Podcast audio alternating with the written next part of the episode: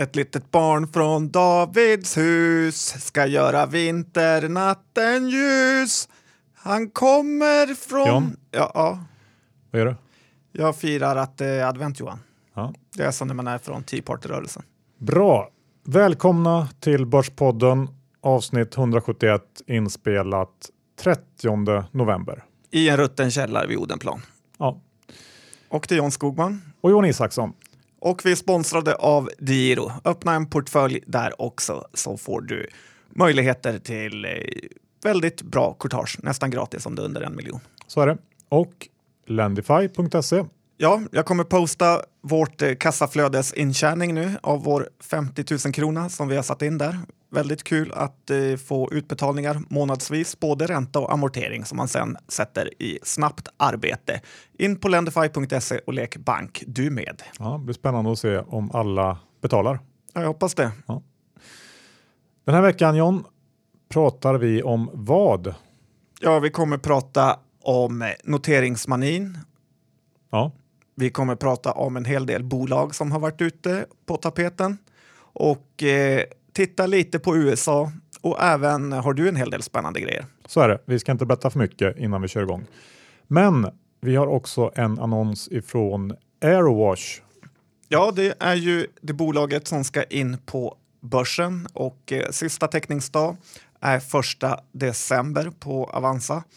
Det är ett bolag som jobbar med flygplanstvättar och ger ungefär en 50% besparing i arbetstimmar, vilket är ju bra i de här automatiseringstiderna och den hårda prispressen som är i flygplansbranschen. De har Finnair och Qatar Airways som kunder och det här är en relativt liten nyemission som är helt eh, fullt garanterad. Så gå in på antingen Avanza Nordnet eller på airwash.se och läs mer om det här kan vara något att teckna. Sista dagen 1 december. Yes, nu kör vi igång veckans avsnitt.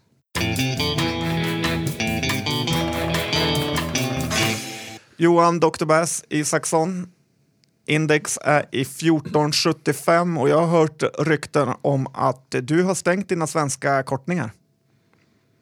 Ja, mer eller mindre. Det är ju svårt eh, när börsen går rakt upp och uh, ligga kort helt enkelt, för det kostar ju massa pengar och uh, det har ju generellt sett varit en ganska dålig uh, strategi på slutet att vara negativ till börsen. Nu har det för sig lugnat sig lite grann sista dagarna här kan man tycka, men det är ju totalt sett extremt bullish ändå får man säga.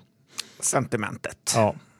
Och eh, själv så förstår jag ju om man som investerare kliar sig lite i huvudet inför det här. För å ena sidan så stiger ju börserna runt om i världen och eh, det här på hopp kanske framförallt om att Trump ska dra igång eh, ekonomin med hjälp av infrastruktur och så vidare.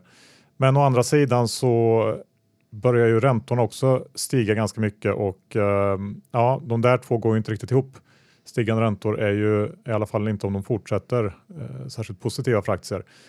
Ehm, så att vi, får väl se vart det tar vägen när det här eh, lugnar ner sig lite grann och folk börjar tänka efter på riktigt. Men vi har ju ett event i helgen. Det är ju val i, i Italien. Ja, det är det. Och de ska rösta om sin konstitution. Precis. Och det här kan ju påverka börsen åt det ena eller andra hållet. Jag tänkte vi kan lite kort gå igenom de olika utfallen. Man röstar ju som du säger om konstitutionen och om man ska förändra den. Och om det blir ett ja, vilket de flesta kanske inte tror nu, om man har tittat på de här eh, polsen eh, inför, jag vet inte hur mycket man ska tro på det längre, men det ser det ut som att nej-sidan leder med 55 mot 45 procent eller något sånt. Men det är ju väldigt många som är osäkra, så det där kanske vi inte ska lägga så mycket vikt till. Men ett ja innebär ju i så fall att eh, Renzi, som han heter, kan fortsätta med reformer och ett ja är väl antagligen det mest marknadsvänliga utfallet i det här valet. Men om det nu blir ett nej då som de flesta tror, då är nästa fråga, kommer Renzi att eh, avgå? Ja, det är ju frågan. Och eh, man älskar ju sådana här omröstningar där folket inte har en aning om vad de röstar på egentligen. Ja, precis. Eh, så det, det blir också en, en nästa följdgrej och om man avgår blir det då eh, nyval och eh, om det nu blir nyval vad blir det för ny eh, regering i så fall? Så det finns ju så många följdkedjor eh, som utlöses av, av ett eventuellt nej här så det är väldigt svårt att överblicka. Men det värsta för marknaden vore väl ett, eh, ett nej med Rensis avgång och ett eh, nyval där eh, vilket i sin tur kanske leder till att euron blir, blir eh, väldigt ifrågasatt och man får in eh, partier som, som verkligen vill gå emot EU och euron. Alternativt att Berlusconi dammar av sin karriär och gör en Trump-comeback. Ja, vem vet. Ja, det, det är lite rör, rörigt val här och eh, jag tror inte man ska liksom fundera alldeles för mycket på det inför utan vi får se vad som händer i helgen och eh, hur det tas emot på måndag. Nu lämnar vi storpolitiken John och går in på lite mindre men eh, inte mindre viktiga saker. Aktietorget tänker jag prata lite om. Ja, de är ute både i blåsväder och i konflikter med vissa bolag. Ja, eh, de har ju fått en hel del kritik jag sett för det här handelsstoppet av iFox och egentligen kanske hur man har skött hela ärendet med iFox. Uh, och jag har sett kritik både på, på forum och uh, av iFox. Kanske inte jättekonstigt att de klagar på det. Uh, men och många tycker kanske att de har varit för hårda och att man inte borde handelsstoppat och sådär. Men jag håller inte med här. Det är ju faktiskt inte någon mänsklig rättighet att få vara noterad på en börs och om man nu är det så ska man ju ändå ha vett att hålla sig till regler och bland de här mindre, lite mer tveksamma bolagen på börsen så används till exempel pressmeddelandemöjligheten alldeles för frikostigt i min mening. Och eh, jag tycker också generellt att kvaliteten på bolag som man släpper in på börsen just nu är för låg generellt och det gäller ju inte bara kanske de minsta utan även lite större bolag. Um, och det här det kommer att straffa sig när eh, tillgången på kapital försämras och när börsvärden inte längre kan hållas upp av drömmande förhoppningar utan ska motiveras av pengar in, då är nedsidan enorm i väldigt många bolag. Många tycker kanske att bolagsvärden på några hundra miljoner inte är eh, mycket alls nu, men när man väl ska motivera det här med pengar på sista raden, då är det ganska mycket ändå. Ja, det är härligt. 100 miljoner är ingenting längre. Nej, vi får se. Men eh, bra av Aktietorget i alla fall att eh, stoppa det här nu. Och en liten notering här är också att om de nu lyckas, ska sälja bolaget som de säger att de ska så spelar det väl inte någon större roll egentligen att de är handelsstoppade.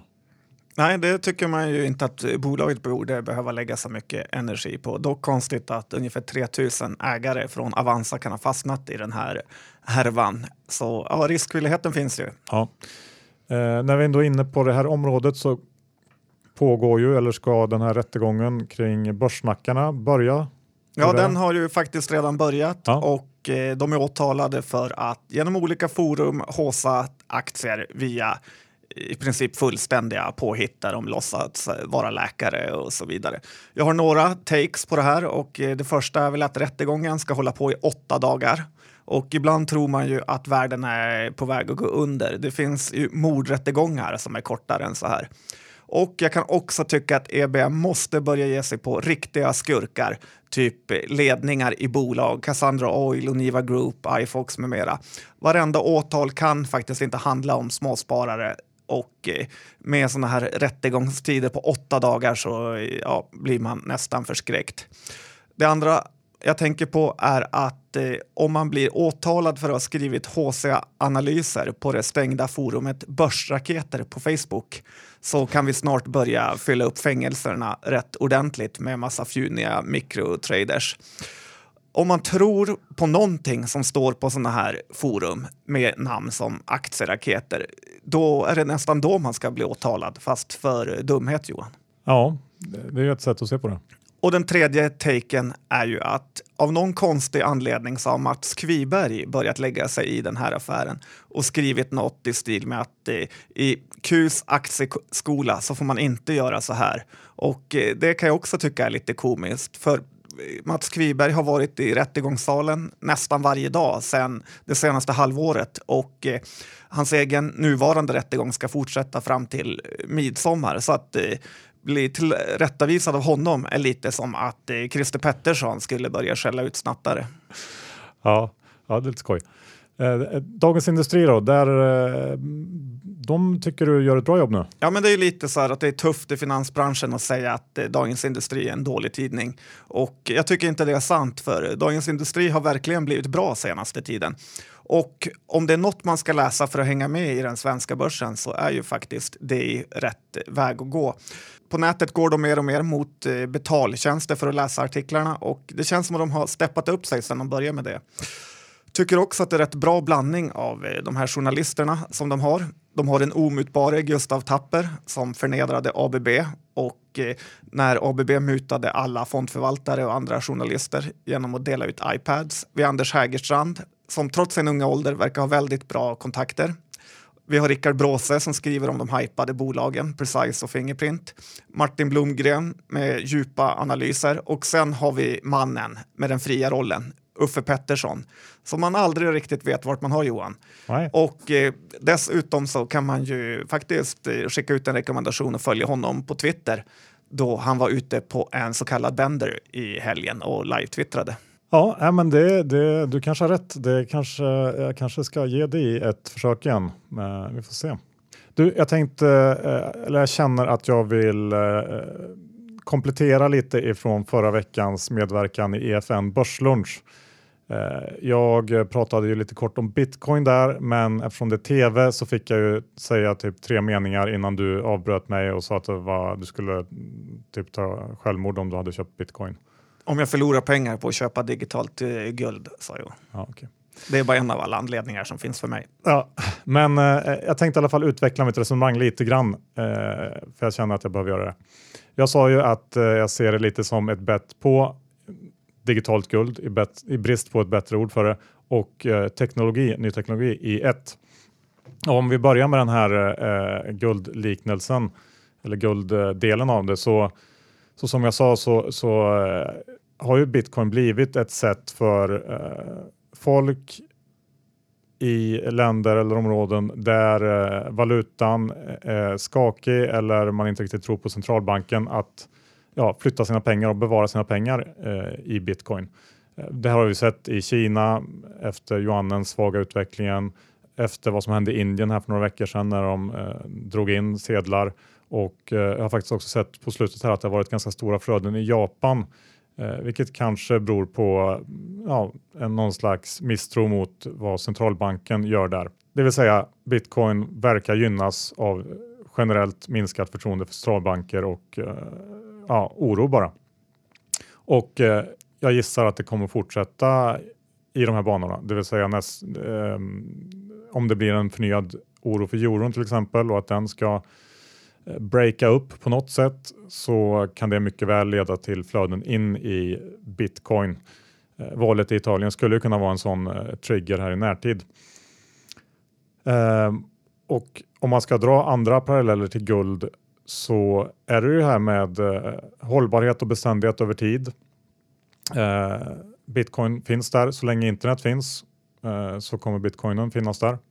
Och ehm, en annan liknelse är det här med att det är väldigt enkelt att flytta och överlåta bitcoin. Eh, och att det är en, någon typ av ändlig tillgång. Det kommer att finnas 21 miljoner bitcoins när de är slutminade. Eh, och det funkar som ett betalningsmedel rätt bra. Så det finns ju många beröringspunkter eh, på den här delen. Och om vi går över till själva teknologibettet på den här blockkedjeteknologin så tror jag att den här teknologin har potential att förändra stora delar av finansbranschen faktiskt.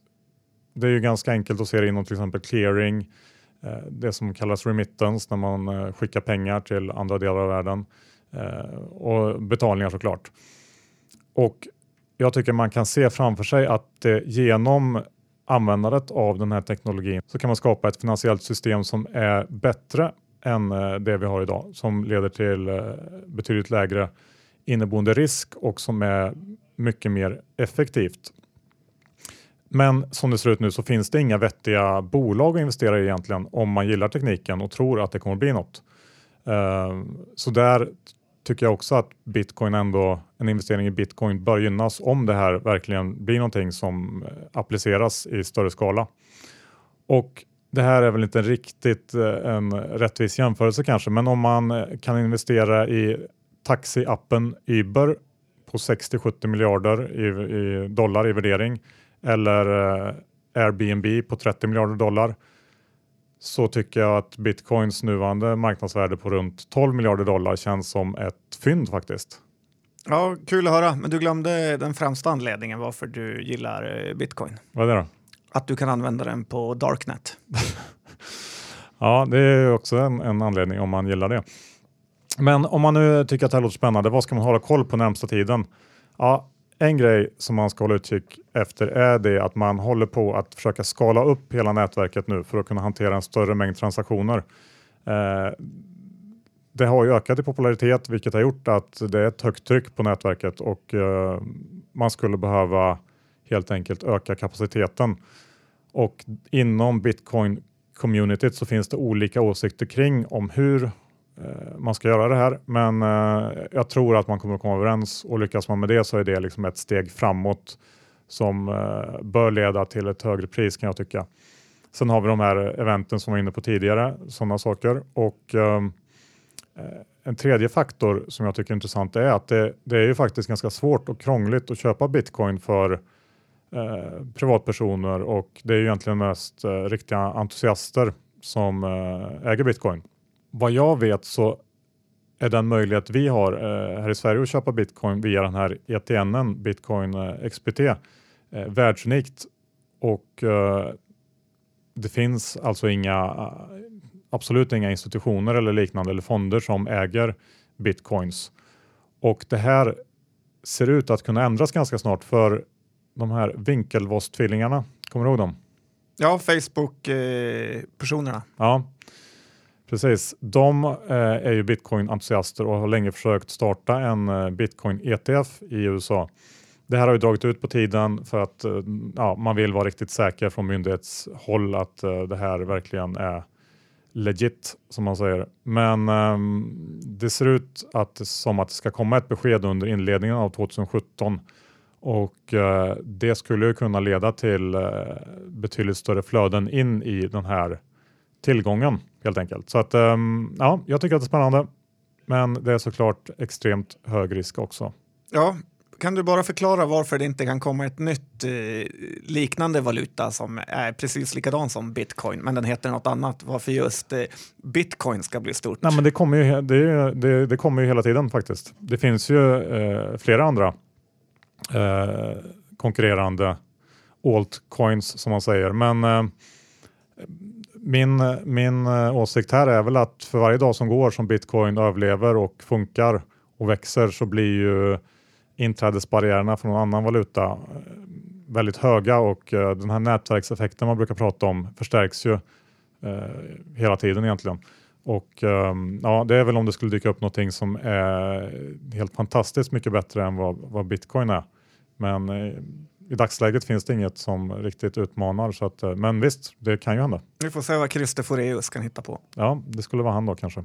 Och John, din bästa, bästa bloggare är tillbaks och du är så glad. Ja, det är lite kul Johan, att den som tidigare drev bloggen Dividend Mantra har nu startat upp igen. Han gjorde ju bort sig för något år sedan när han sålde sin sajt som sen kollapsade när han blev ovän med de som köpte den. Men nu har han startat en ny blogg och den heter Mr Free at 33.com. Och eh, där skriver han om vägen mot ekonomiskt oberoende och hur han har lyckats. Han har en rätt eh, kul historia då han inte hade någon farsa och en crackberoende eh, morsa. Så ja, läsvärd. Ja, men det låter ju som, som något man bör kolla in. Innan vi avslutar första delen John så har vi ju vår julsponsor kan man säga, julshoppingsponsor Neckwear.se.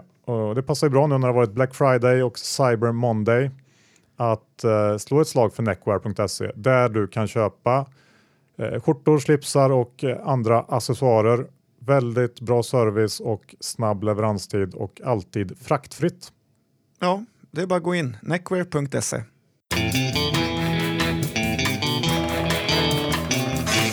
John, högst upp på agendan just nu är ju den här enorma noteringsmanin vi har här i Stockholm.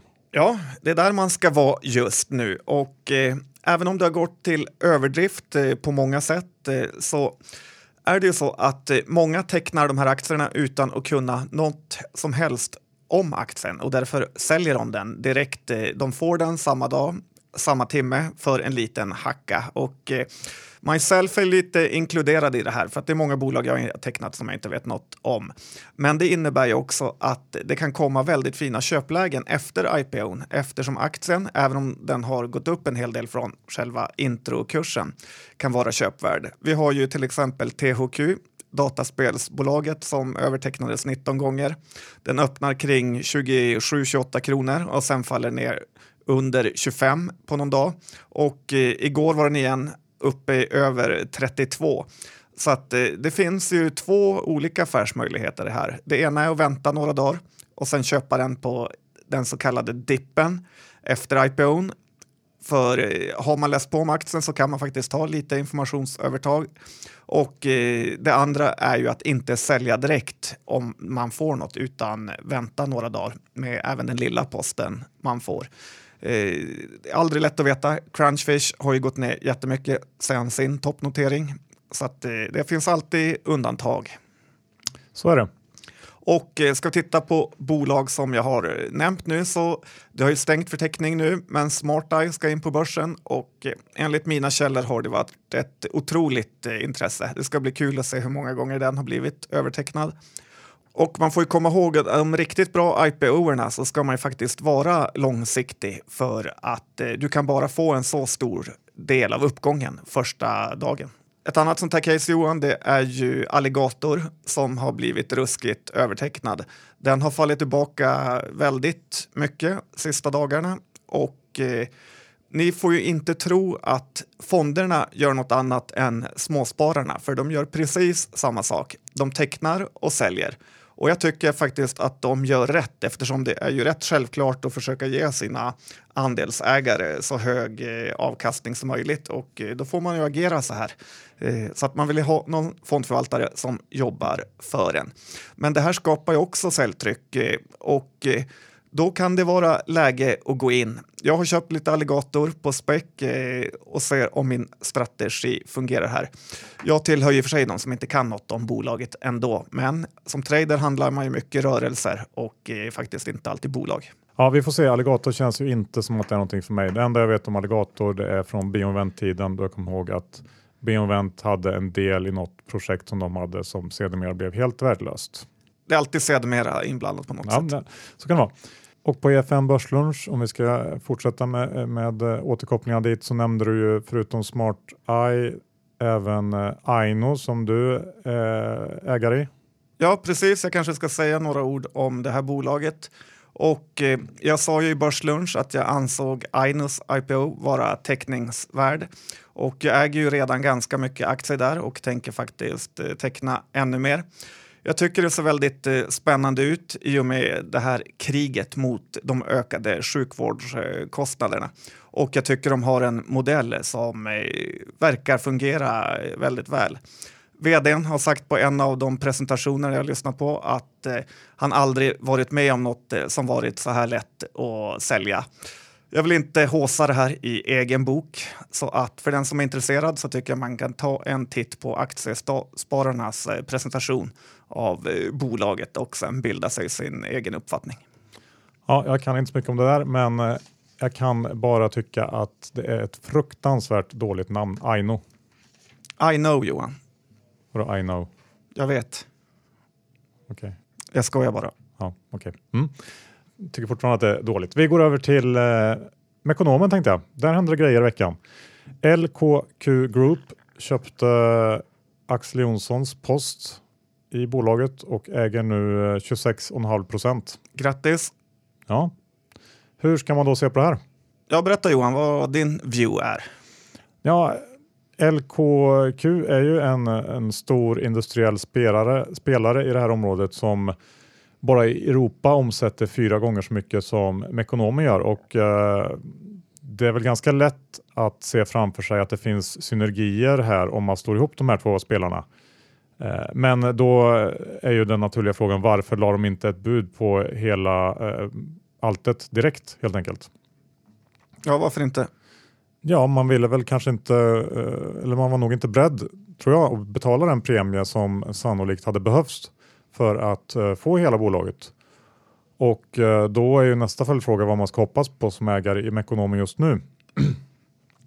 Jag tror ju att ett bud i närtid är väldigt osannolikt och vill man måla lite fan på väggen så finns det ju en risk att eh, LKQ trycker igenom förändringar som liksom på kort eller eh, lite mellan medellång sikt inte riktigt gynnar resultatutvecklingen i Mekonomen för att vid ett senare lämpligt tillfälle försöka lägga ett bud på bolaget. Och eh, med då ett lämpligt tillfälle så menar jag ett tillfälle när kursen står betydligt lägre än nu.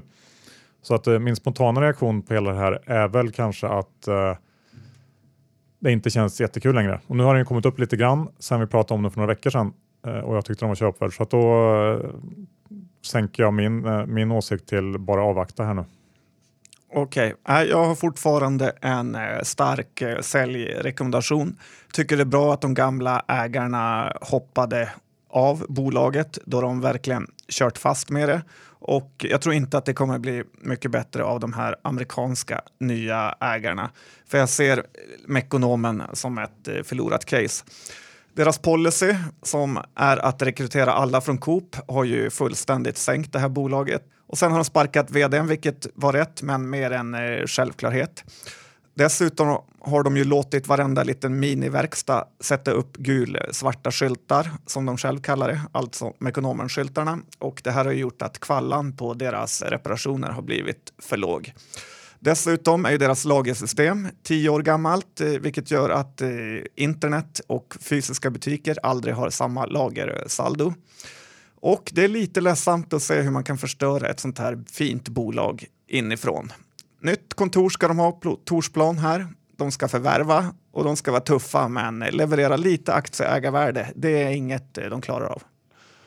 Ja, nej, så, eh, så kan man ju tycka. Jag tycker vi lämnar ekonomen eh, och går vidare till eh, Subaru som vi pratade om för några avsnitt sedan när de var i full färd med att ta in nya fräscha pengar och kasta på det här projektet de håller på med. Ja, och den här orden som det har snackats om i flera månader och som skulle hjälpa dem att få in mer pengar eh, verkar ju inte bli klar då komponenterna nu fastnat i tullen i Kina och de inte fått löst dem där ännu. Och det är lite ironiskt då det är faktiskt tullen som beställt de här drönarna och nu håller de fast i vissa komponenter man blir ju faktiskt mest eh, deprimerad av de här bolagen och eh, jag ser det faktiskt inte som en vinst att jag haft eh, tokrätt här vad gäller skämigheten i bolaget utan det är ytterligare ett tragiskt exempel på hur lätt det är att förlora pengar på när man tror på HCA bolagsledningar. Okej, bra. Vi går vidare till Almhult 2, det lilla fastighetsbolaget. Ja, de genomför en nyemission här och eh, det här är ett bolag som egentligen fallit mellan stolarna för mig. Jag har aldrig orkat eh, sätta mig in i det. Men nu när det var nyemission och de har varit ute på en liten eh, runda och pratat om det här så kände jag att det var värt att lägga ner några minuter på det. Och Amhult 2 äger då gamla flygfältet i Torslanda som är en förort till Göteborg. Det ligger både ganska nära Göteborg, en kvart eh, med bil om jag har fattat det rätt, eh, och eh, nära havet. Bolaget har som strategi att utveckla det här området och sen behålla bostäderna och lokalerna och allt vad de har för förvaltning. De har en vd som verkar rätt vass och hungrig. Jag har sett några presentationer och det är också positivt att bolaget inte heller är så belånade. Ett bolag som Amhult gynnas eh, nästan dessutom lite om det skulle bli lite avsvalning på byggmarknaden. Då byggarna då sänker priset eh, som man får betala för att få husen byggda, vilket är bra. Det är sista dag eh, för handel med teckningsrätter den 1 december. Och jag tror faktiskt inte ens man behöver köpa teckningsrätter här om man vill vara med eftersom storägaren har sagt att han kan avstå och teckna sin andel om det är ett eh, stort intresse för att få upp eh, likviditeten. Så rusa inte in i några teckningsrätter eh, och tro inte heller på någon stor uppgång i början. Men det här kan vara ett långsiktigt case om man tror på Göteborgs framtid. Ja, den känns ju ljus. Är du elak? Lite kanske. Eh, men visst, det kan det väl vara. Eh, känns kanske lite som att du är puck 2 kan jag tycka. Men eh, det behöver inte vara fel att vara det. det. På börsen kan det räcka. Kan räcka. Humana då, John? Ett av alla de här nya bolagen i vård och omsorg kom med en stark rapport förra veckan. Ja, det gjorde de, efterföljt av en placing. Precis. Om vi börjar med rapporten. De växte 3% organiskt och hela 19 procent eh, med hjälp av förvärv. Och rörelseresultatet kom in på ungefär 20% högre än vad man hade väntat sig. Det vill säga riktigt bra rapport. Och eh, efter rapporten så har väl vinstprognoserna i marknaden justerats upp en hel del. Eh, det här bolaget jobbar en hel del med förvärv. De gjorde två mindre under kvartalet och eh, ledningen flaggar för fler eh, förvärv framgent här. Aktien värderas till ev ebit 11 nu ungefär för nästa år, vilket jag tycker känns eh, helt okej. Okay. De genererar bra kassaflöde och eh, ja, det känns, det känns som en, en ganska attraktiv aktie kan jag tycka.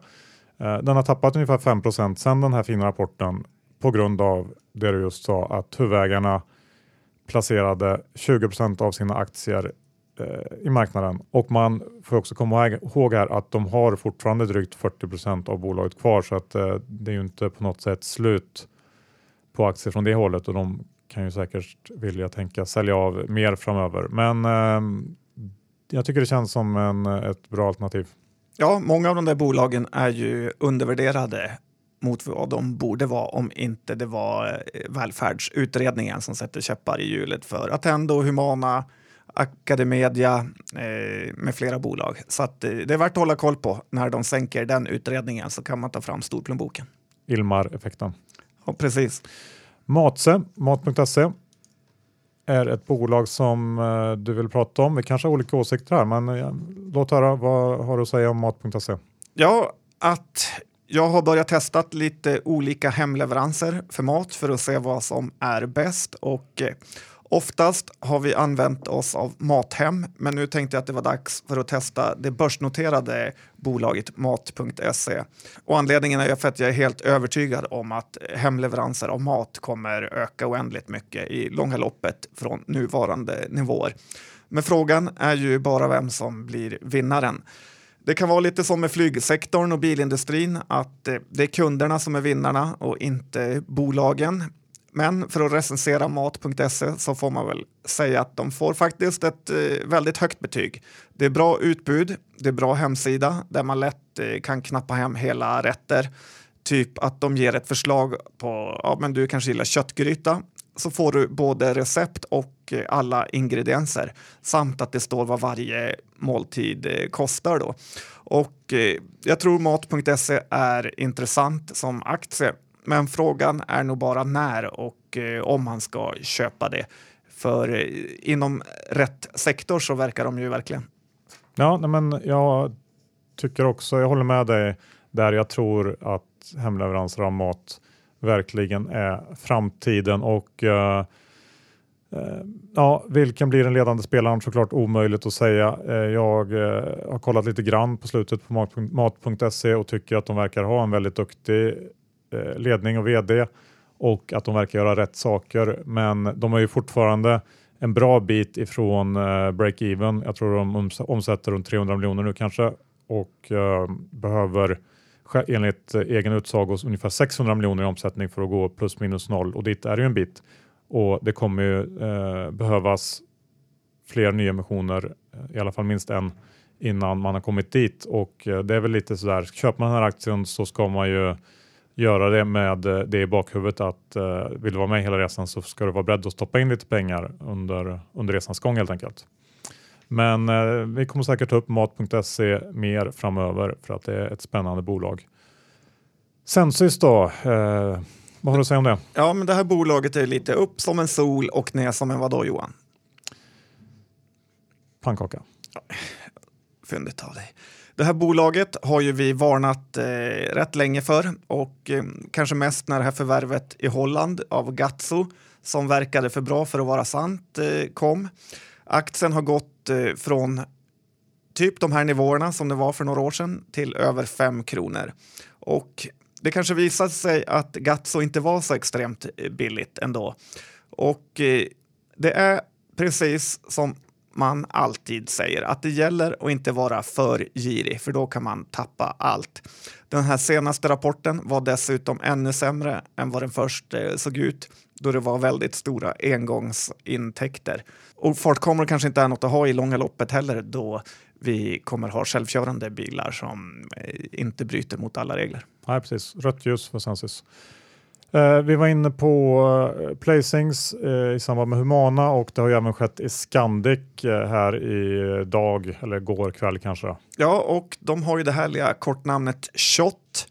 Det blev en placing och det med rejäl rabatt faktiskt. Det brukar inte vara så här stora rabatter annars. Och, Tecken på att det börjar bli lite mm, tuffare, eller? Ja, det kan det vara det jag gillar med det här är ju att man tjänar i princip ingenting att vara med i placings längre utan det är ofta både billigare och säkrare att köpa efter placingen. Det blir mer rättvist eh, så kan jag tycka. Jag gillar Scandic som bolag och eh, kan tänka mig att det är lite köpläge här nere. Aktien har faktiskt hämtat sig flera gånger från sådana här eh, placingsfall. Och en anledning till att aktier går så här dåligt efter placings är ju att hedgefonder och annat löst folk tackar ja till allt. För om man börjar vara picky som kund hos de här storbankerna och försöka välja russinen ur kakan, då får man ofta inte vara med alls eh, när de bästa godsakerna bjuds ut. Och eh, därför blir det så, när din broker ringer och eh, frågar om du vill vara med så kanske du egentligen inte gillar caset, men man tackar ändå ja. Och sen säljer man direkt eh, för att kunna tjäna stort på andra affärer. För det finns ingenting de här instmäklarna hatar mer än kunder som bara vill ha russinen.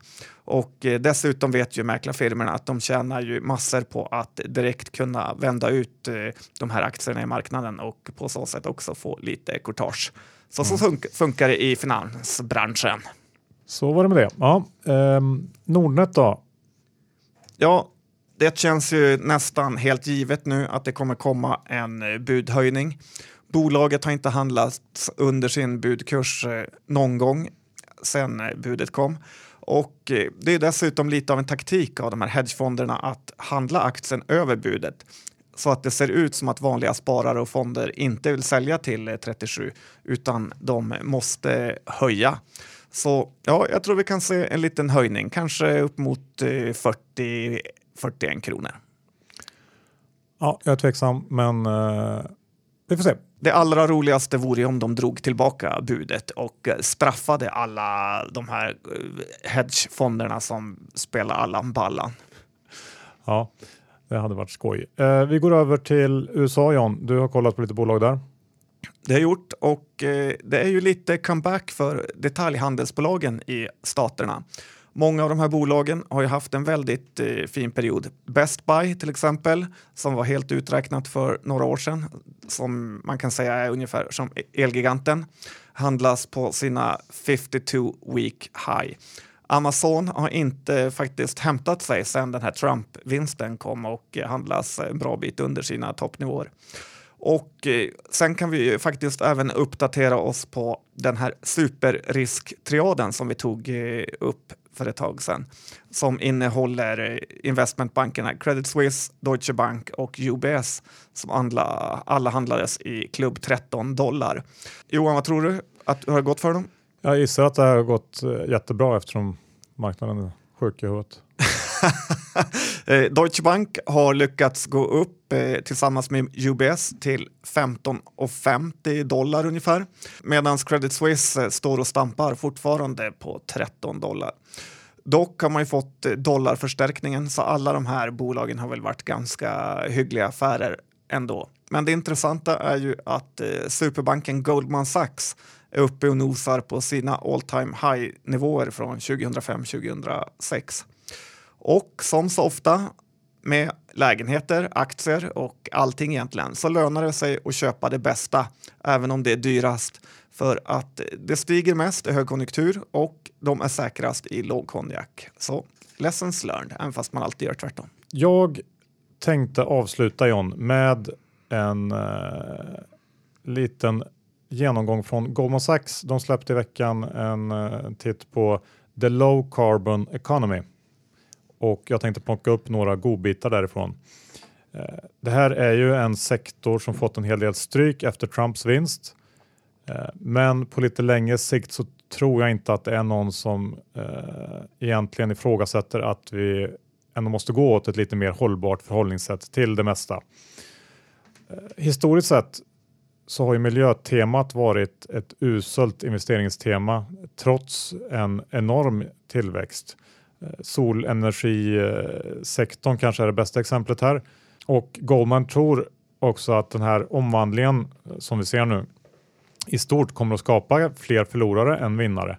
Men de har ändå vaskat fram en handfull bolag som, eh, ja, men som ser ut att kunna gå vinnande ur det här.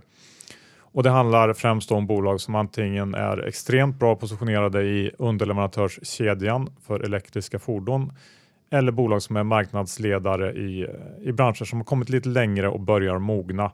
Och I det här fallet är det vind, vindkraftsbranschen och eh, LED.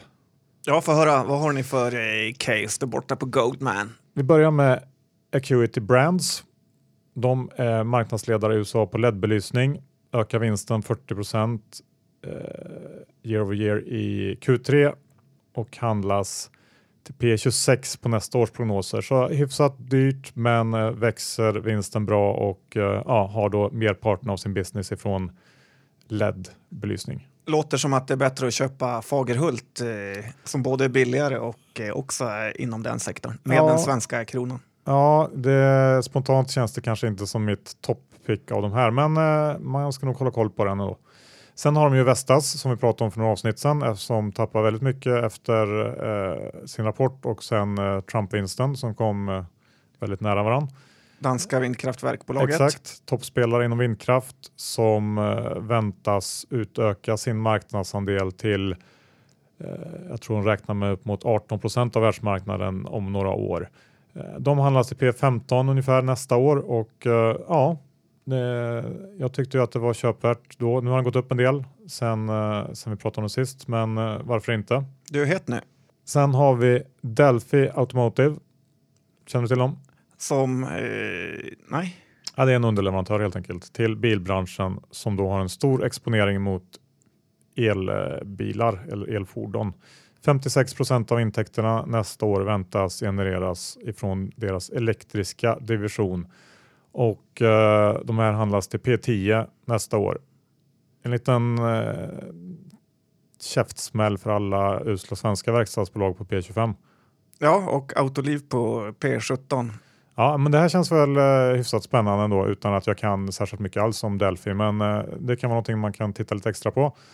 Tror man på elbilar så ligger de här extremt bra eh, positionerade helt enkelt.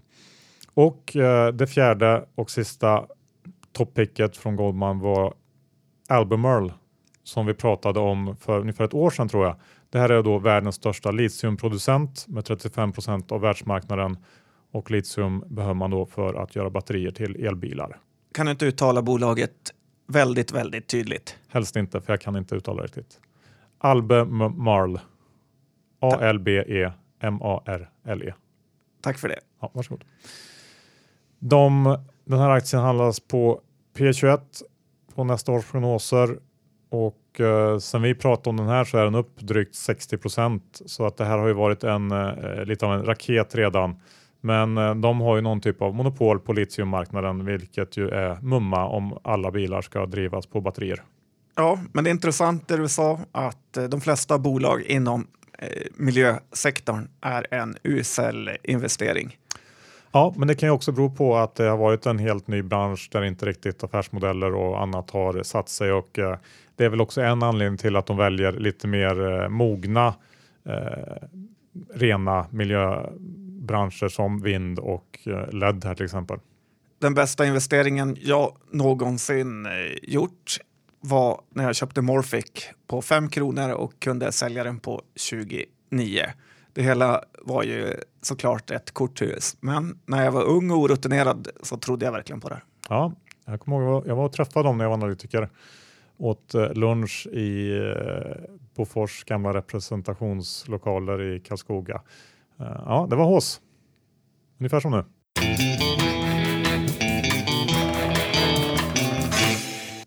Vi hade mycket att prata om idag. Det blev väl så när vi hade Martin Gren här förra veckan och inte fick prata av oss om börsen ordentligt. Tack DeGiro. Ja, ni vet ju, digiro.se, öppna konto. Ja, inga konstigheter. Lendify tackar vi också. Ja, kassaflöde, kassaflöde, kassaflöde brukar de säga, de som gillar kassaflöde. Ja, och vem gör inte det? Ja, det är väldigt få. Ja. Och eh, är man intresserad av det här nya bolaget som ska in på börsen, Aerowash, så kan man gå in på deras hemsida och läsa på om det. Man hittar också prospektet hos Avanza eller Nordnet. Flygplanstvättar. Just det. John, eh, vilka aktier äger du bland de vi har pratat om idag? Ja, men idag var det lite digrare lista. Jag har lite Amhult för jag ska hålla koll på den. Jag eh, har lite Scandic för jag hoppas den ska studsa tillbaka. Jag eh, har Aino som man kan teckna, mm. som jag redan har. Och dessutom så har jag Alligator som jag också hoppas ska studsa tillbaka. Mycket hoppas nu hör jag, tycker jag. Det känns som. Ja, det är ju så. Man sover ju dåligt varje natt, Johan. Och eh, ja, det var väl eh, allt faktiskt. Ja, jag har ju också lite Aino och jag har faktiskt eh, köpt en mikropost i mat.se för att följa utvecklingen där eftersom jag tycker att det är spännande. Det var allt. Det var det. Ja, tack så mycket för att ni lyssnade. Vi hörs om en vecka igen. Ha det gott. Hej då!